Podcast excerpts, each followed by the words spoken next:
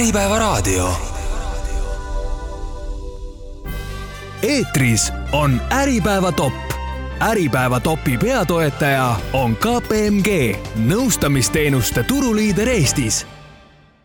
tere päevast, head Äripäeva raadio kuulajad ja tere tulemast kuulama saatesarja Äripäeva top esimest saadet. täna me ei räägi ühestki konkreetsest topist, aga me räägime sellest, mis ettevõtete majandusaasta aruannetes üldiselt vastu vaatab ja milleks me tänavu valmis peame olema. minuga on stuudios Luminori peaökonomist Lenno Uusküla. tere päevast! ja KPMG nõustamisteenuste juht Hanno Lindpere. tere päevast! mina olen saatejuht Sigrid Kõiv. me oleme praeguseks Äripäeva Infopangas avast-, avaldanud kuue sektori aastaraportit, mul on olemas andmed veel kolme sektori kohta, mis ei ole veel välja tulnud äh, raportite näol, ma pean tunnistama, et kaunist on nendes vähe, nendes, äh, nendes üldistes tulemustes. sektorite tulemused on väga, väga erinevad, väga ebaühtlased, et kui põllumajanduses on nii, nii müügitulu kasumkiiret kasvu näidanud, siis taristuehituse kaotused on üsna suured, advokaadibürood ei ole küll kaotanud, aga pole ka midagi võitnud enamgi veel, kogu kasum, mis on teenitud, on kohe teise käega ka teisest taskust palkadeks välja maksnud.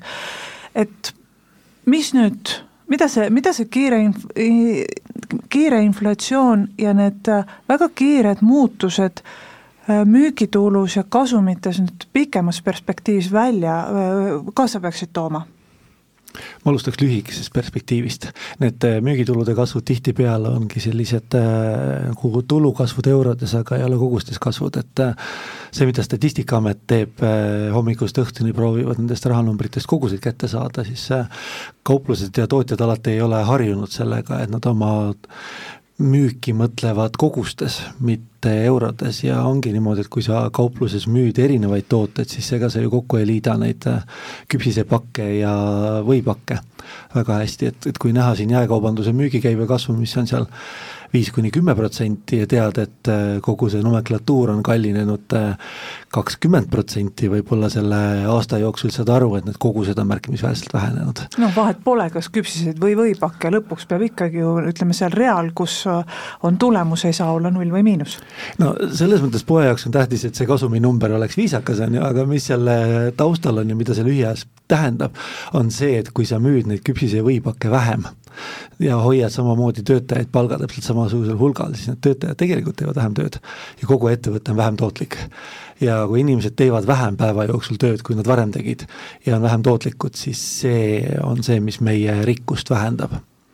ja, ja see on see valus koht, kus nad edasivaatavalt siis tuleb küsida, et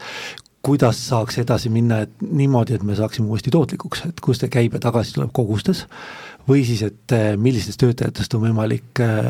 lahti saada, vabandust, aga et optimeerida, et, et need inimesed siis leiaksid töö, mille, mis päriselt lisandusväärt, lisandväärtust on toomas. Nojah, mina, mina alustaks oma jah, sellise tavalise lemmikteemaga, et meil on ikkagi minu arvates päris suur selline mõõtmise probleem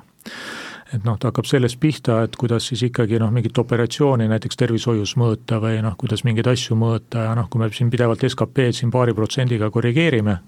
ja noh, me ei suuda ka teatud teenuseid mõõta, siis noh, ma oleks suhteliselt skeptiline, et noh, selline klassikaline majandusmudel, et ma arvan, me suudame need ühikud, kilovatid või,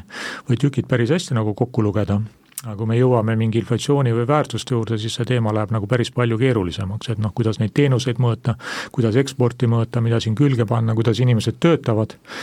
et noh, see on nagu esi, esimene teemade võib-olla ring, et, et selliseid üldistusi ja noh, teha on minu arvates päris raske, et noh, kui siit nüüd edasi liikuda sinna inflatsiooni poole peale,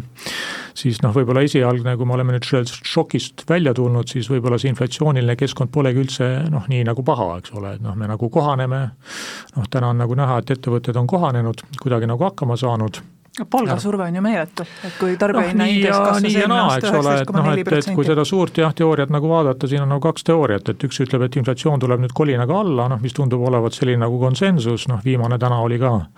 Timesis nagu raporteeriti täna hommikul, et ka UK inflatsioon on kiiremini alla tulnud ja, noh, et võiks öelda, et inflatsioon tuleb alla, noh teine teooria ütleb, et jääb pikka aega kestma, noh mina kipuks olema võib-olla selles parteis, mis arvab, et kui me ei suutnud seda kiiret kasvu ette näha, siis noh, miks me nüüd arvame, et me nüüd suudame sellise adekvaatsema prognoosi teha. ma tahan kohe Lenno käest küsida, kas inflatsioon tuleb kolinaga alla või see ikkagi jääb üles? meil on kaks erinevat inflatsiooni ja, ja, ja siis on see periood, millest räägitakse, ajab päris korralikult korralikult segadusse. inflatsioon tuli alla juba eelmise aasta viimases kvartalis Eestis alates septembrist, Euroopas oktoobrist-novembrist on hinnad kasvanud märkimisväärselt vähem, kui nad kasvasid kuni augustini-septembrini eelmisel aastal. ja nüüd, kui võrreldakse aastanumbreid, siis räägitakse seda, et järk-järgult inflatsioon alaneb, ei, ta ei ole järk-järgult alanenud, vaid ta tuli kolinal alla ja pärast seda oleme näinud tegelikult erinevaid hüppeid ja siin ka Eestis eelmise aasta lõpus peaaegu et ei olnud inflatsiooni ja nüüd selle aasta alguses on üksjagu olnud seda. et, et, et selle, selles mõttes ei ole nagu niimoodi, et ta järjest tuleb alla niimoodi, nagu neid aastanumbreid vaadatakse, vaadatakse, et mille pärast keskpangad räägivad sellest aasta inflatsioonist, on see, et nende jaoks on tähtis, et inflatsioon oleks all pika perioodi jooksul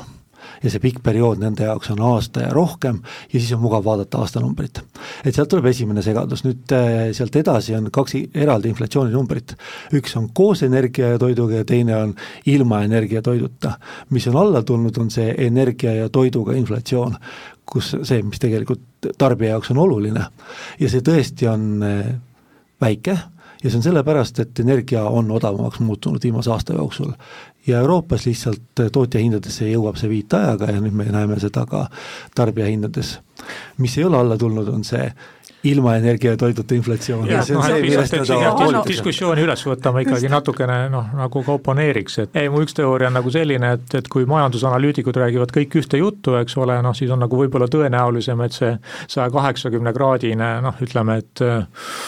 noh, pööre või, või selline pöördhüpotees on nagu võib-olla nagu õigem, et, et noh, mida me nägime selle inflatsiooni puhul, et enne kui see inflatsioon tuli, siis keskpangad ja kõik rõõmsalt ütlesid, et noh, see on transitory või see läheb kohe meil nagu üle, juhtus nagu teistpidi, eks ole, noh et ja noh, praegu ka, eks ole, sama loogika järgi, eks ole, et võib-olla, võib-olla võiks juhtuda hoopis nagu teistsugune, kui kui, kui noh, tulemus, kui mida kõik arvavad et noh, kui on nagu see, olemas selline hea debatt, et on erinevaid arvamusi, siis, siis võib-olla noh, ühtepidi on siis raskem seda seda seisukohta kujundada, aga noh, teistpidi siis võib-olla on ka nagu parem olukord, et sa saad ise valida, et noh, keda või mida sa rohkem usud, et noh, minu arvates kõige ohtlikumad situatsioonid on need muutuvas keskkonnas, kus kõik arvavad ühtemoodi see debatt on tegelikult kogu aeg olnud ikkagi minu arust läbi nende aastate, et on need, kes on öelnud, et inflatsioon tuleb ja on suur ja maailma lõpp on kokku kukkunud, maailma lõpp on saabunud ja teised on siis öelnud, et ei, et eh, mitte mingil juhul inflatsiooni ei tule, kui vaadata Keskpanga inflatsiooniprognoose, siis eh, alati oli inflatsioon saavutanud tipu umbes poolteist aastat järjest. On... järjest nagu tulid prognoosid välja ja ütlesid, nüüd meil... on läbi ja nüüd on läbi. meil on juhtide küsitluses üks asi, mida alati öeldakse nüüd järgmise kuue kuu, just see on nüüd tekkinud, rääkinud, järgmise kuue kuu olulisem mõjutaja on intressid. et see Euribori tõstmine on ikkagi noh, ehkki seda öeldi, et see tuleb, eks ole, Lenno, seda öeldi, et see tuleb ja see on ikkagi nagu inimesi üllatanud ja nüüd noh, kuidagi halvasti loomulikult, ja nüüd nagu oodatakse seda, et kas see jätkub, äh, prognoosid on millised, Lenno, Hanno, kas äh, tuleb veel intressitõuse või ei tule? Noh, ilmselt on siin jah, see Lenno oskab kommenteerida seda makro, makro, makrovaadet, et noh, mina vaataks seda praktilise poole pealt, et kui me ütleme, et ettevõtted laenavad kuue-kaheksaga, noh, tege-, tegemist on võib-olla rohkem sellise ärimudeli küsimusega, et noh, võib-olla eelmine kümnend oli ka üks selline kriitilisemaid küsimusi oli, et noh, miks intressimäärad on nii madalad, et võib-olla meie ettevõtlus ei kannatanud neid kõrgemaid intressimäärasid nagu välja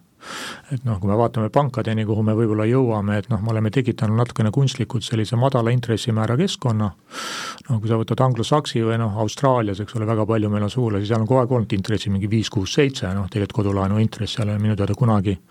väga alla viie protsendi nagu kukkunud, noh Euroopas meil on olnud selline deflatsiooniline keskkond, noh täna on see deflatsiooniline keskkond nagu Hiinas vist, kus eelmine kuu oli null koma kolm protsenti, vist kui ma noh ei eksi, tuli see, see alla aga noh, kui sellele konkreetselt küsimusele noh, nagu vastata, siis, siis noh,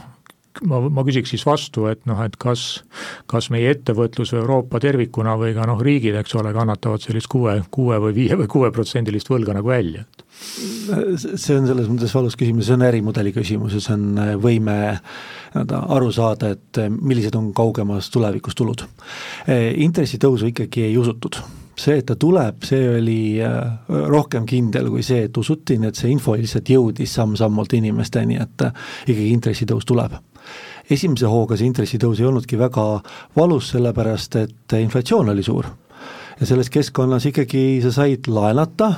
nagu põhimõtteliselt ostad materjali, kui sa ootad, et see materjal läheb aastaga kallimaks kümme protsenti, siis sa ostad selle, võtad viieprotsendise intressiga laenu, müüd aasta pärast maha ja saad endiselt kasumit nii et sellisel hetkel ei ole see intressitõus nii valus, sellepärast et ta ei söö sinu kasumit, sellepärast see hinnatõus on suur.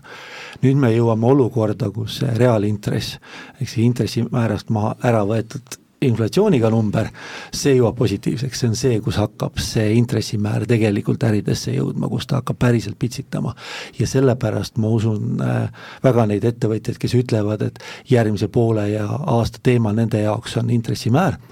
Ja, ja paraku jah, pigem ta on veel tõusmas ja mitte langemas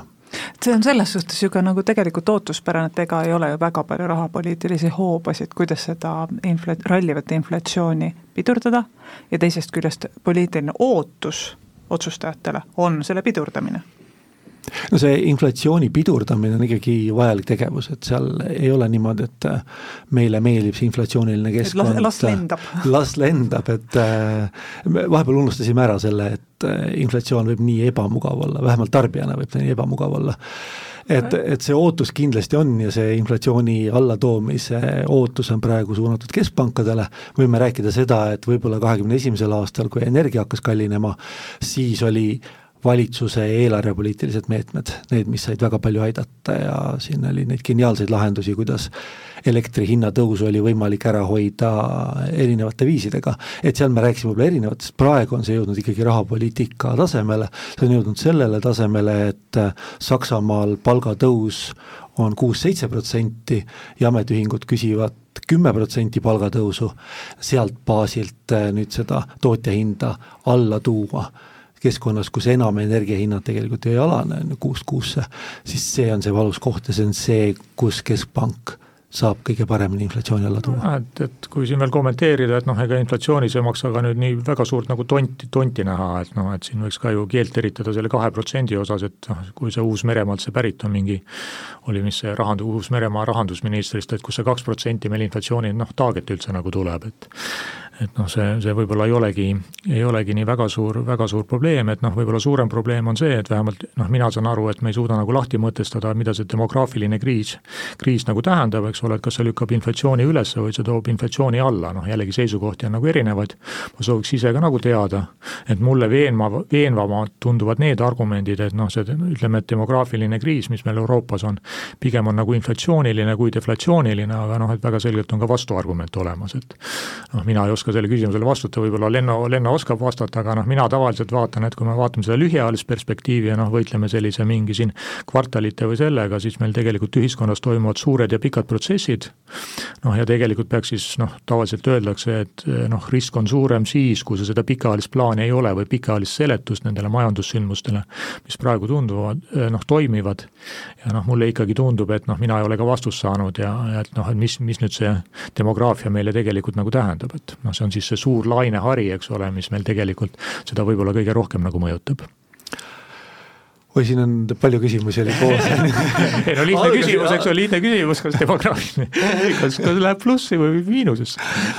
Äh, kas ta läheb plussi või miinusesse demograafiast, et äh, kui keskpanga äh,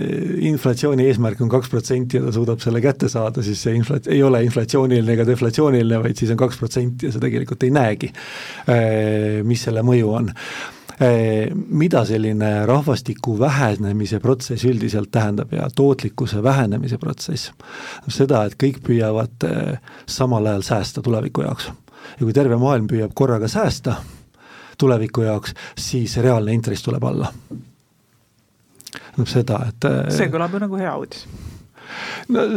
see on niisugune nii ja naa, et äh, see tähendab seda, et äh, ei ole kuhugi säästa tegelikult. ei ole neid investeerimisprojekte, ei ole võimalik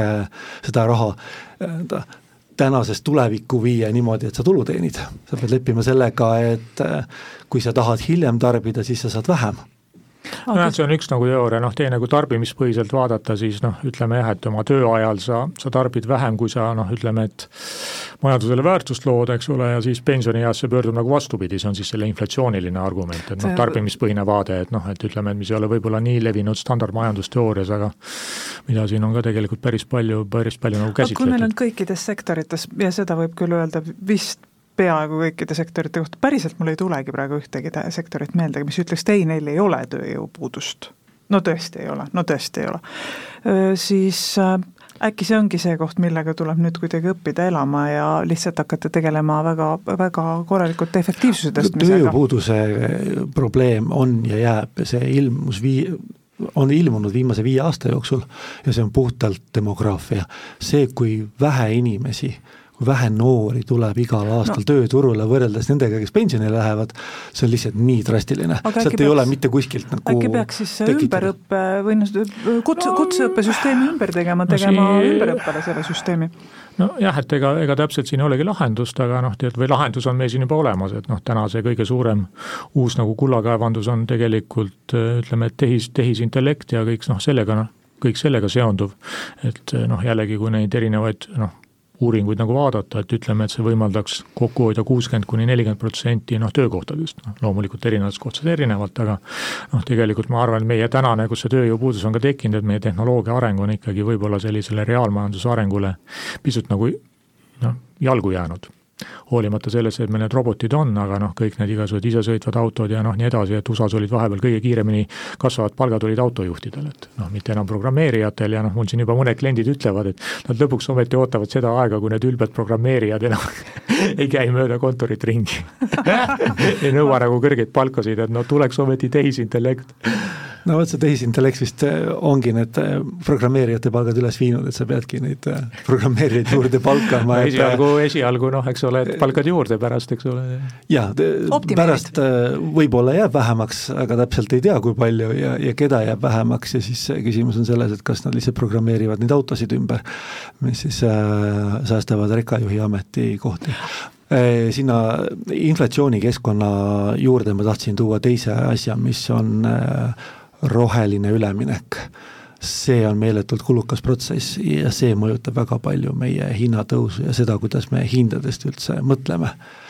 Ja, ja see on täpselt samal ajal toimumas. nii et äh, siin neid lahtisi otsi on mitu no täpselt jah, ma olen ise, olen ikkagi siin nagu vaske nagu ostnud või need vasepositsioone ja noh, vaatan ikka pidevalt niklit jälgin ja noh, selliseid asju ja senikaua praeguseks ei ole mul see vask veel üles läinud, et aga öeldakse, et noh, see vasenõudlus, et noh, mina väga selgelt mängin nagu vaseinflatsiooni peal. no küsida, kui ma ise investorina, noh, mul on seal teatud piirangud, aga noh, mina isiklikult küll arvan seda, et, et noh, pigem olen selles inflatsioonilises parteis. et noh, toorainete hinnad võiksid pigem ikkagi üles minna. et äh, selle rohepöördeni me kindlasti jõuame oma saate jooksul ka, aga enne mul on panga esindaja on stuudios, kohe hea võimalus küsida nüüd pankade kasumite täiendava maksustamise kohta. et äh, tegelikult see, see küsimuse mõte on hoopis selles, et kui meil on selline hästi äh, volatiilne äh, ettevõtluskeskkond, eks ju, et müügitulud kasvavad, kasumid kasvavad, intressid tõusevad, siis tekib ju ka selline poliitiline isu kuskilt natukene rohkem hammustada ju, kui, kui muidu oleks võtnud. kuidas te vaatate selle jutu peale, et võiks nüüd pankade kasumeid hakata lisamaksustama? et mulle tundub, et see on üks väga ohtlik Pandora laegas, mis siis avatakse, miks piirduda pankadega, miks mitte järgmiseks programmeerimisettevõtted, nõustamisettevõtted, nagunii on kasumit näidata, maksustame ära, et või lisamaksustame ära, et äh, tegelikult on ju see üldine suunitluspoliitikas on väga selgelt praegu selline, et nagu ükskord tehakse, nii jäädaksegi tegema, enne kui kui väga valusalt ei saa vastu sõrmi sellega. kuidas sellega on, Lenno, kas te arutate hirmunud seda, et kui peaks hakkama rohkem maksu maksma riigile? no Luminor toimib äh, kolmes Balti riigis ja siin äh, Balti riikide poliitikud on erinevad, nii et äh, me oleme juba tuttavad sellega, kuidas asju ümber otsustatakse. E, see on väga lühiajaline vaade sellele, kui öeldakse, et meil ei ole kasumimaksu, meil on dividendimaksud ja siis tegelikult pangad ju maksavad kasumi pealt maksu, selle isegi avansiliselt maksavad pangad ju kasumi pealt maksu. et siis selles keskkonnas võib-olla ei ole nagu esimene koht vaadata pankade poole, et nii või teisiti on pangad juba teistmoodi maksustatud kui ülejäänud majandus. see, et majandus on hüplik ja volatiilne ja kasumid ja kahjumid on volatiilsed, see on tegelikult vana tõde see on väga selgelt ennast näidanud just viimase kümne-viieteist aasta jooksul, kui tsükliline see on ja pangandus on üks nendest sektoritest, mille kasumid on väga tsüklilised, nii et see, kui sa heal ajal võtad kasumi ära, siis ega halval ajal ei ole pankadel enam raha, mida välja jagada laenamiseks, et sellel hetkel see majanduskriis tuleb jälle suurem. et, et selle koha pealt ei ole täpselt samamoodi võtta. ja ma arvan, nagu kõige hullem, mida, mis võib juhtuda, muutuda, ongi see üldine arusaam majanduskeskkonnast, et kas ta on prognoositav või ei ole prognoositav. et kas sul on lootust, et kui sa kasumit teenid, siis sa ka saad selle välja võtta või siis jääbki niimoodi, et, et nii kui sa kasumit teenid, nii oled sa üksi noh, siin majanduslik vastus tegelikult saab olla ainult üks, et eh, noh, pankade kasumite maksustamine ei ole üldse hea mõte, aga nüüd need argumendid on päris palju keerukamad esiteks on nagu see, et, et ütleme, et ega pangandus on sellisest tavalisest äh, ettevõtlusest ikkagi päris kaugel, et noh, ta on väga palju nagu reguleeritud, et äh, noh, kui vaadata, et lasta pangad nagu päris vabaks, et siis nad peaksid hoidma kusagil kolmkümmend, nelikümmend protsenti omakapitali ja noh, meie laenuintressid oleksid hoopis teisel tasandil, sellisel noh, tasemel, et noh, võib-olla kümme protsenti, et noh, me oleme poliitilise tegelikult regulatsiooniga läbi Finantsinspektsiooni toonud ütleme, et poliitiliste valikutega öelnud, et noh, et inimesed investeerige kinnisvarasse noh, see on väga selgelt olnud poliitiline valik, seda võib-olla ei saada nagu aru aeg-ajalt, aga noh, normaalne pank ilma regulatsioonita ei saa hoida kümmet protsenti oma kapitali, noh selline tavaline ettevõtlus ei saa sellega toimida, see on ainult võimalik sellises noh, distorted või ütleme, et ebaloogilises majandusmudelis, eks ole, noh ja kui nüüd riik hakkab sinna veel sekkuma, et kui me oleme juba siin nagu väga palju seda ütleme, et, et majandusmudelit nagu kehvemaks teinud ja siis veel keerame sinna vinti peale, no siis on nagu väga halb mõte. Ja siinkohal tuleb noh, ma parafraseeriks noh, Churchilli, kes on siis öelnud midagi sellist, et noh, kui me räägime üldisest ettevõtlusest, seda võib siis laiendada ka pankadele, et noh, väga paljud inimesed näevad selles lehma, keda lüpsta, teised inimesed näevad ettevõtluses või pankades tiigrit, eks ole, keda tuleks puuris hoida, aga ainult vähesed inimesed näevad selles ühte korralikku tori hobust, kes veab väga rasket vankrit et noh, üldiselt näpud eemal ettevõtlusest. ei, ma tegelikult pidasingi silmas, et võib-olla me jäime natuke oma vastustes või teie õigemini jäite oma vastustes natuke liiga panganduskeskeks, ma pigem pidasin silmas seda,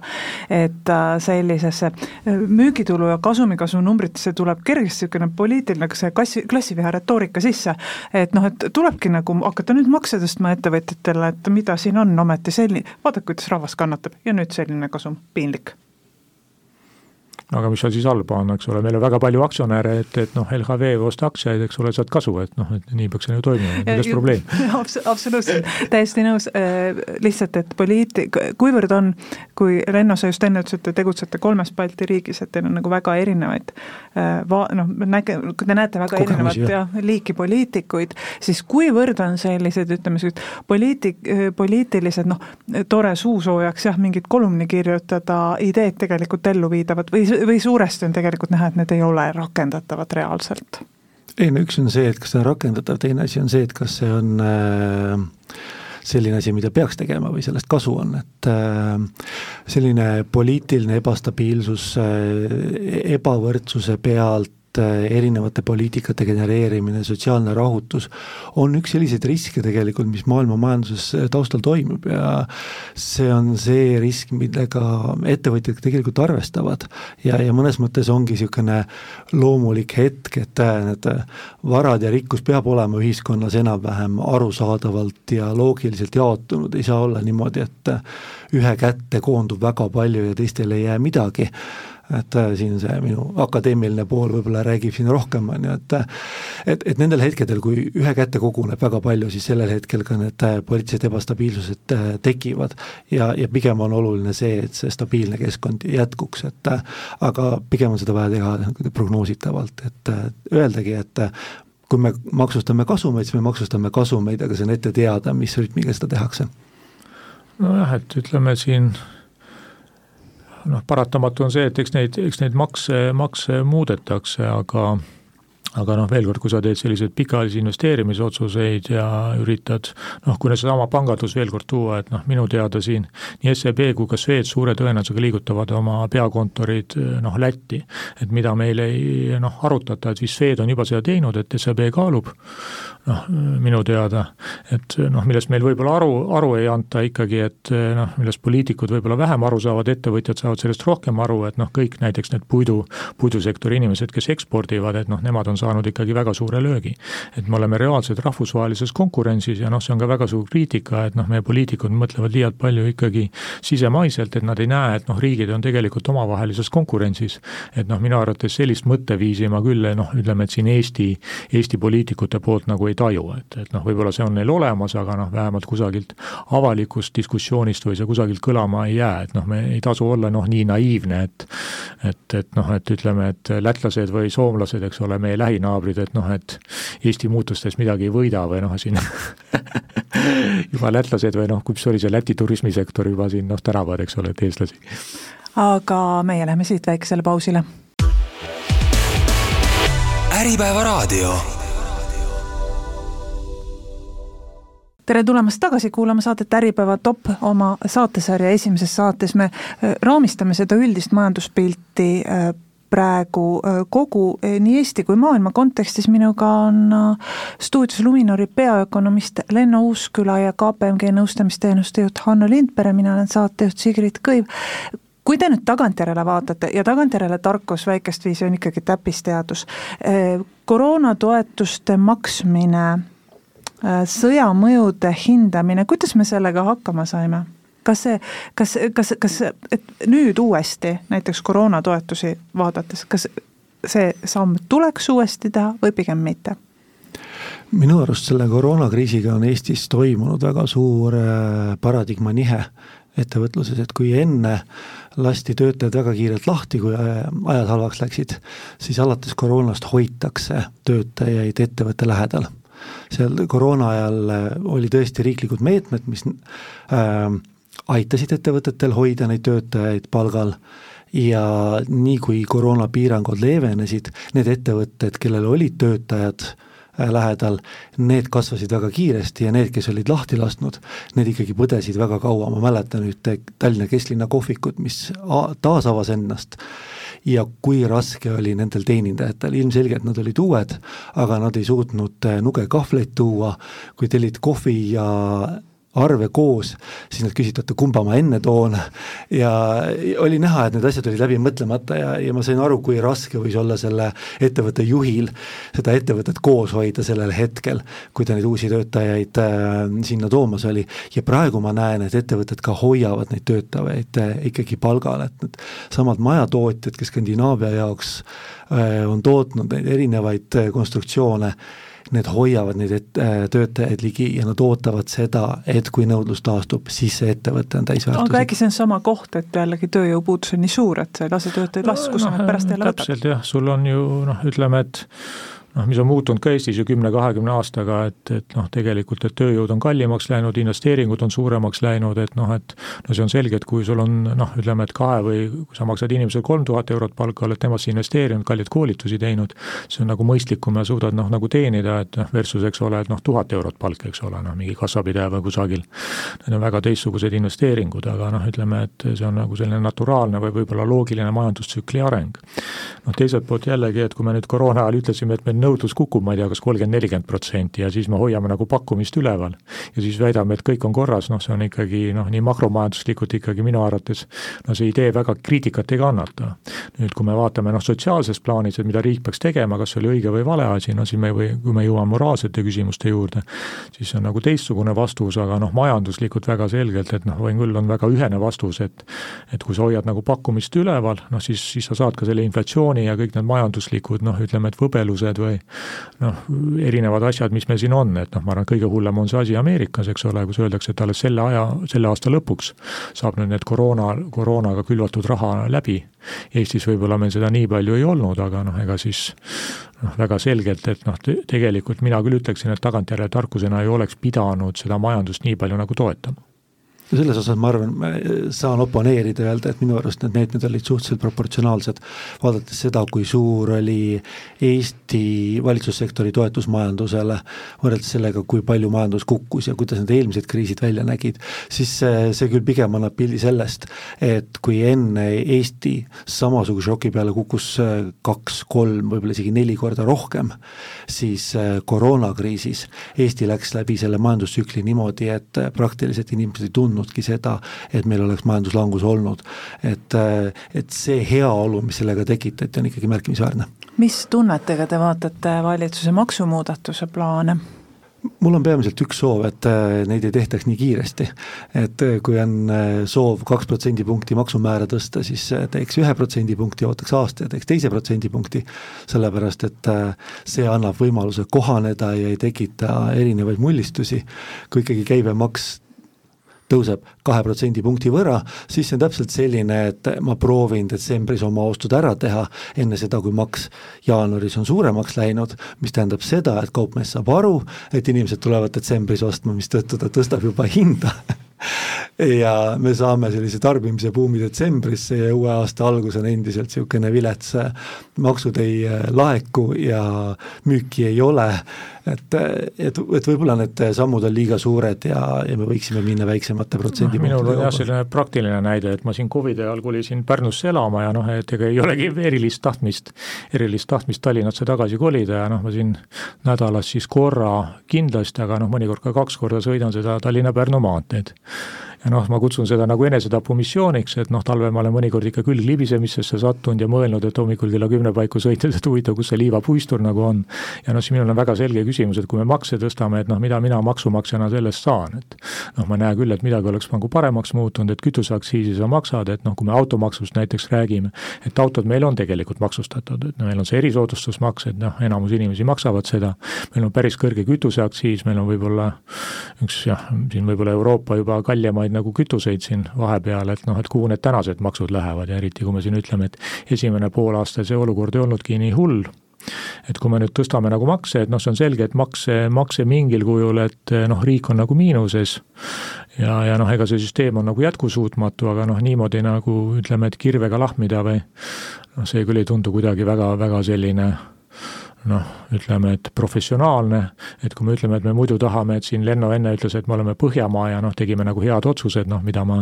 võib-olla nii päris kindel ei ole ja võtame sellise rahuliku lähenemise, et me kaitseme inimesi ja noh, nii edasi ja siis me äkitselt kolme kuuga teeme ikkagi päris sellised drastilised muudatused, no siis need kaks asja minu nagu pealuu sees küll kuidagi kokku ei lähe. kuidas need ettevõtluskeskkonda võiks mõjutada, need maksumuudatused? selle maksumuudatustega on tegelikult parasjagu huvitav äh, juhtum sellega, et äh, maksumäärad tõusevad, aga äh, maks maksutulu äh, riigi rikkusesse ju ei, ei tõuse. et äh, enne koroonat oli ta kolmekümne kolme protsendi kandis, ta tuli vahepeal alla Kuhu ja nüüd pärast seda nüüd äh, tuleb tagasi. no see kõige parem näide minu arust on see tulumaksu ja sotsiaalmaksu vaheline suhtarv, et kui meil on selline keskkond, kus sa ikkagi maksustad ettevõtlustulu palju vähem ja on uued töövormid, mis võimaldavad väga lihtsalt maksta vähem maksu oma töö pealt, siis ongi niimoodi, et see enne, mis maksustati sotsiaalmaksuga, enam ei maksustata sotsiaalmaksuga. See on täpselt sama töö, aga, aga nüüd me ei maksusta enam täpselt sama kõrge maksumääraga nagu enne, mistõttu maksutulu langebki. ja nüüd selleks, et maksutulu uuesti tagasi saada, siin kas nagu sa viitad nüüd OÜ-tamisele siin või? no see on ta, seal on OÜ-tamine, aga seal on, vahepeal ongi uudsed töövormid, et sa võidki öelda, et see Bolti ja Wolti kullerid võib-olla ei olegi täpselt samamoodi töötajad. võib-olla neile täpselt samad garantiid ei laienegi ja, ja võib-olla ei, nagu ei saagi, et sa peadki valima, kummasse vormi ta paigutad ja, ja võib-olla see uus töövorm ongi natukene selles uues süsteemis.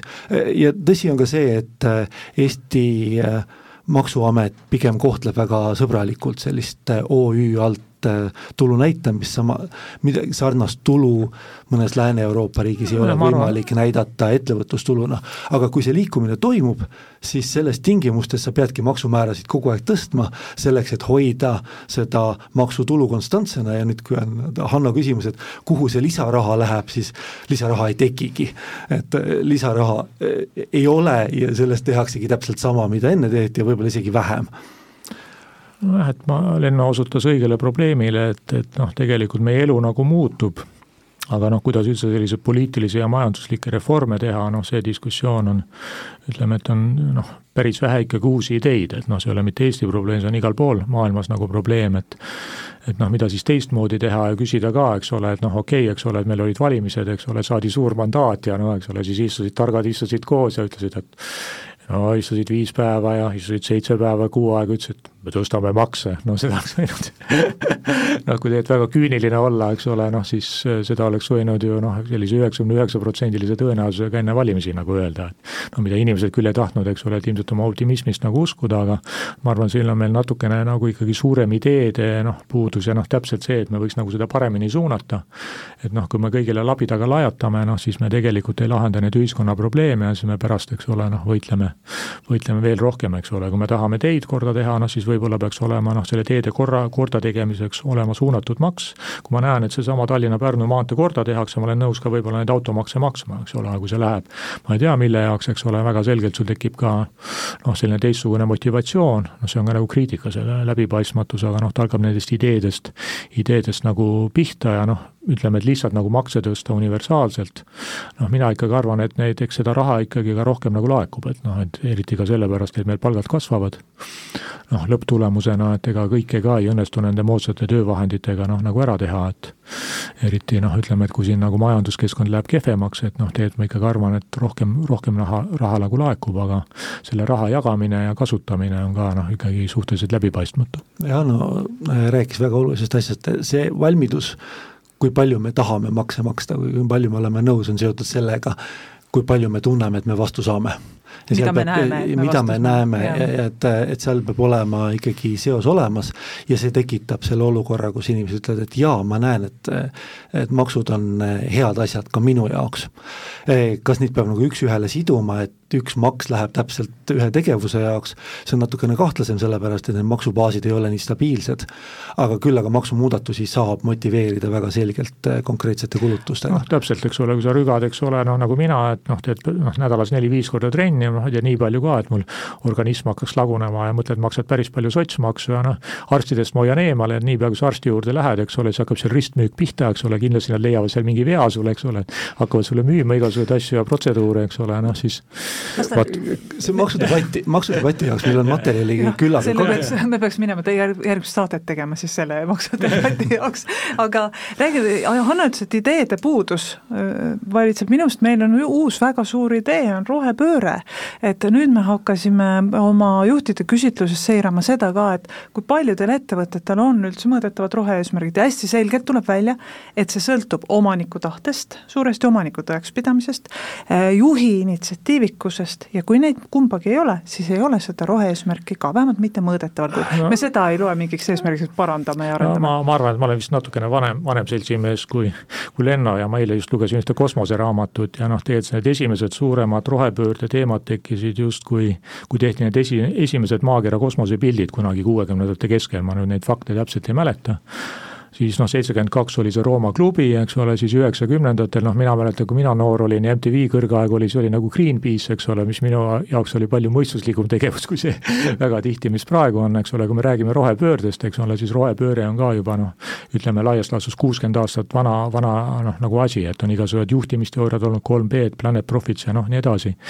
et, et noh, ütleme, et nüüd me üritame tõsiseks noh, muutuda, aga noh, see, et kakskümmend, viiskümmend, eks ole, noh, väga selgelt enamus riike on tänaseks hakanud tunnistama, et me ei saa sellega nagu hakkama. Ja noh, sellesama põhjusega, et tuleb ikkagi väga konkreetne tagasiside nagu valijatelt, et kuulge, kuulge, et noh, mida te nüüd teete, eks ole, et kas te ise ka arveid maksate. aga äkki me kommunikeerime seda valesti? ma just vaatan Lennu see on täiesti eraldi saate teema, see rohepööre ka, kõige, kõige alustuseks ma tahaks rääkida rohelisest üleminekust, nii nagu inglise keeles räägitakse, et see on niisugune väljakutsetega protsess, mitte niimoodi, et me muudame suunda ja, ja on su-, muudetud ja kogu lugu, et, et selles mõttes ei ole meil isegi neid tehnoloogiaid, millega seda pööret teha. et ei ole niimoodi, et me saame minna kurssi muutma laeval, aga seda tüüri veel ei ole leiutatud, et, et me oleme selles staadiumis. me ikkagi räägime üleminekust ja me räägime nendest karidest, mis on seal eh, meil ees, et meil on nagu palju samme vaja teha ja, ja seda on vaja teha niimoodi, et see oleks kõigile kasulik ja kõik saaksid aru ehm, Saksamaa on sellest eh, väga ilusasti aru saanud ja on võib-olla rohkem rääkimas, aga ma arvan, et Eesti jaoks on see veel palju olulisem ja täitsa kommunikeerimata, see, et eh, Eesti ju rohepöörde mõttes kogu maailmas ei muuda mitte midagi. me oleme niivõrd väike protsent kogu äh, saastamisest, et kui meie teeme rohepöörde täielikult ära, siis sellest ei ole kellelegi suurt midagi kasu, temperatuuri esis... mõttes on see kübeke. aga esisaastajate hulgas ju ka ei tahaks olla äh, Euroopa topis jälle. me oleme päris head saastajad ühe inimese kohta ja oma toodangu kohta ja, ja sellepärast on nagu ebamugav. mida me ei ole aru saanud, on see, et Eesti ikkagi on oma edulooga selles positsioonis, et meid vaadatakse, kuidas me asju teeme ja kui Eesti teeb seda rohelist üleminekut niimoodi, et inimesed saavad kasu ja nad näevad, et see on hea asi ja see on poliitiliselt toetatud, siis me oleme võimelised muutma seda rohelist üleminekut terves maailmas kui me teeme seda niimoodi, et meil see maha hääletatakse, siis teised vaatavad, et ahah, isegi Eesti ei saanud hakkama, mis me siis üldse hakkame tegema. nii et see poliitiline toetus seal rohelise ülemineku juures on väga oluline ja ettevõtted peavad nägema, et nad saavad sellest kasu